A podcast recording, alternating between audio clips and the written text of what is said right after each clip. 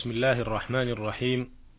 الحمد لله رب العالمين وأصلي وأسلم على أشرف الأنبياء والمرسلين نبينا محمد وعلى آله وصحبه أجمعين والتابعين وتابعيهم بإحسان إلى يوم الدين.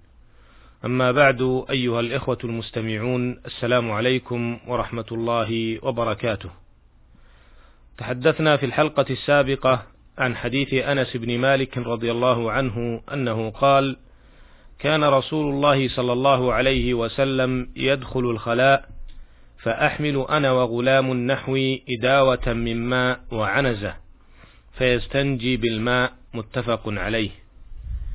وحديث أبي قتادة رضي الله عنه أن النبي صلى الله عليه وسلم قال لا يمسكن أحدكم ذكره بيمينه وهو يبول ولا يتمسح من الخلاء بيمينه ولا يتنفس في الإناء متفق عليه. وقد عرفنا ما في هذين الحديثين من توجيهات نبوية كريمة فيها الخير كل الخير للأفراد والمجتمع. وفي هذه الحلقة نعرض لحديث عبد الله بن عباس رضي الله عنهما قال مر النبي صلى الله عليه وسلم بقبرين فقال إنهما ليعذبان وما يعذبان في كبير.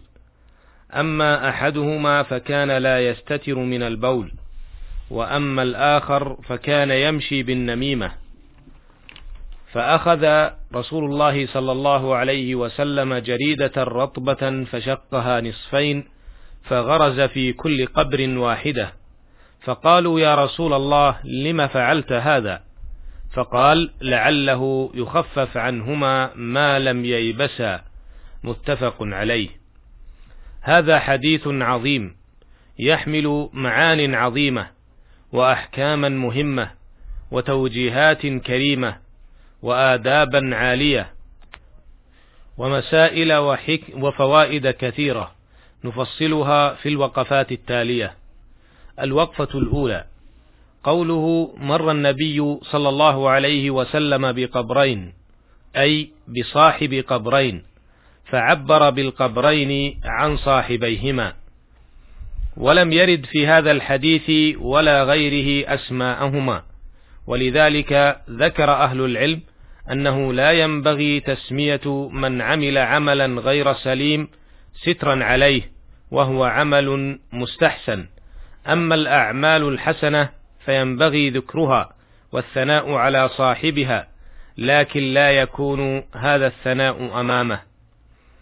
الوقفة الثانية قوله إنهما ليعذبان وما يعذبان في كبير.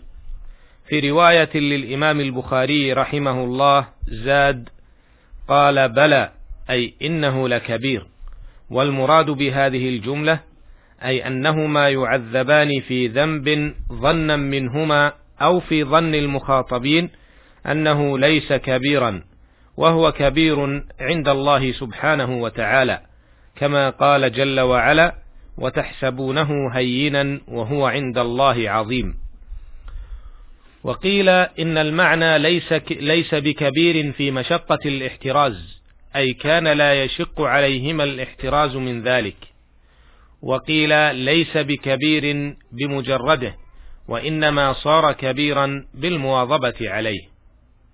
وفي هذه الجملة دلالة على إثبات عذاب القبر وهو مذهب أهل السنة والجماعة ومن وافقهم خلافا لبعض الطوائف المنحرفة في هذا الباب والذين ينكرون عذاب القبر ونعيمه.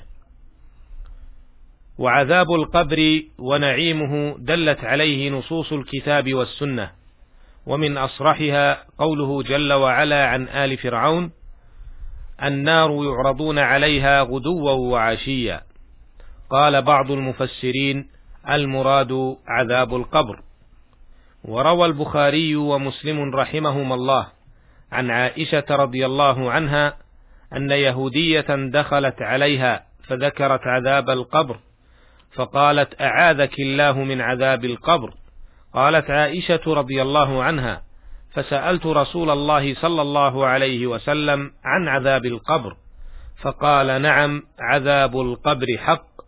قالت فما رأيت رسول الله صلى الله عليه وسلم بعد صلى صلاة إلا تعوذ من عذاب القبر.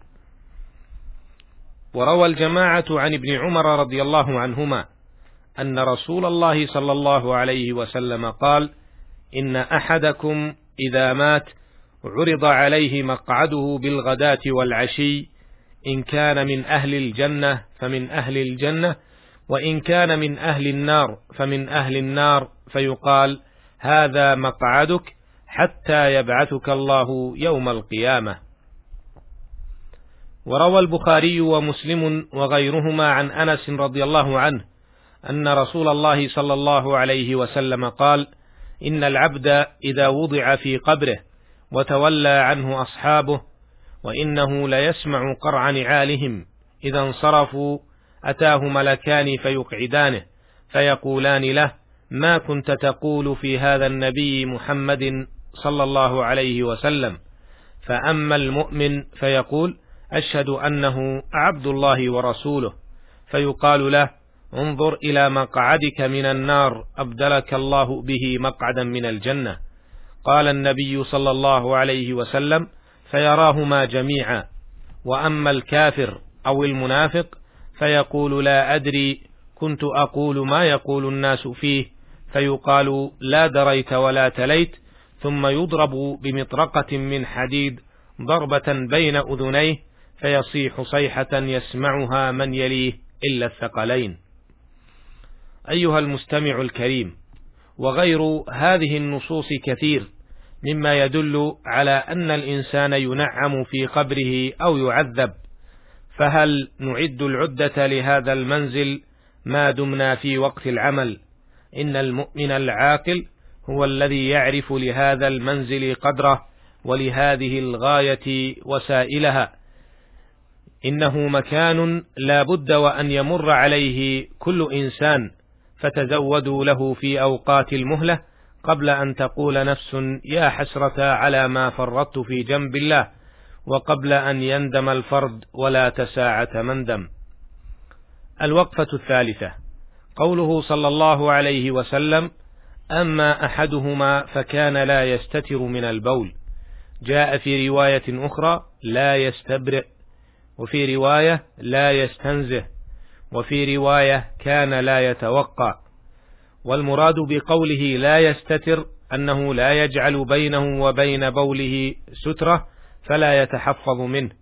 وقال بعض أهل العلم معناه أنه لا يستر عورته والمعنى الأول أصح والله أعلم أن العذاب أضيف إلى عدم الاستتار من البول بمعنى أن ابتداء سبب العذاب من البول.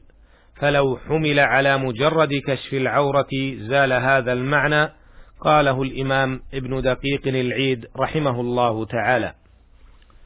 والإشارة في هذا الحديث إلى عدم التنزه من البول والتحفظ منه يسبب عذاب القبر يدل على أن الإسلام دين الطهر والنقاء فكما أنه يرغب بل ويأمر الناس في تطهير القلوب من أوساخها. وينبغي علاجها من أمراضها كالحقد والغل والحسد والبغضاء ونحوها ويرتب على ذلك أجرا عظيما وعلى خلافه إثما مبينا فكذلك النجاسات الظاهرة لها أهميتها وشأنها فعلى المسلم أن يتطهر ويتنظف عن النجاسات كلها وأن يحترز منها لئلا يتعرض لعقاب الله وغضبه ومقته. ومن المؤسف حقا أن ترى كثيرا من الناس لا يهتم بهذه الأمور فيعرض نفسه لخطر عظيم في الدنيا والآخرة. أسأل الله جل وعلا أن يجنبنا المساوئ كلها ظاهرها وباطنها إنه سميع مجيب وهو المستعان. وإلى اللقاء في الحلقة القادمة إن شاء الله. والسلام عليكم ورحمة الله وبركاته.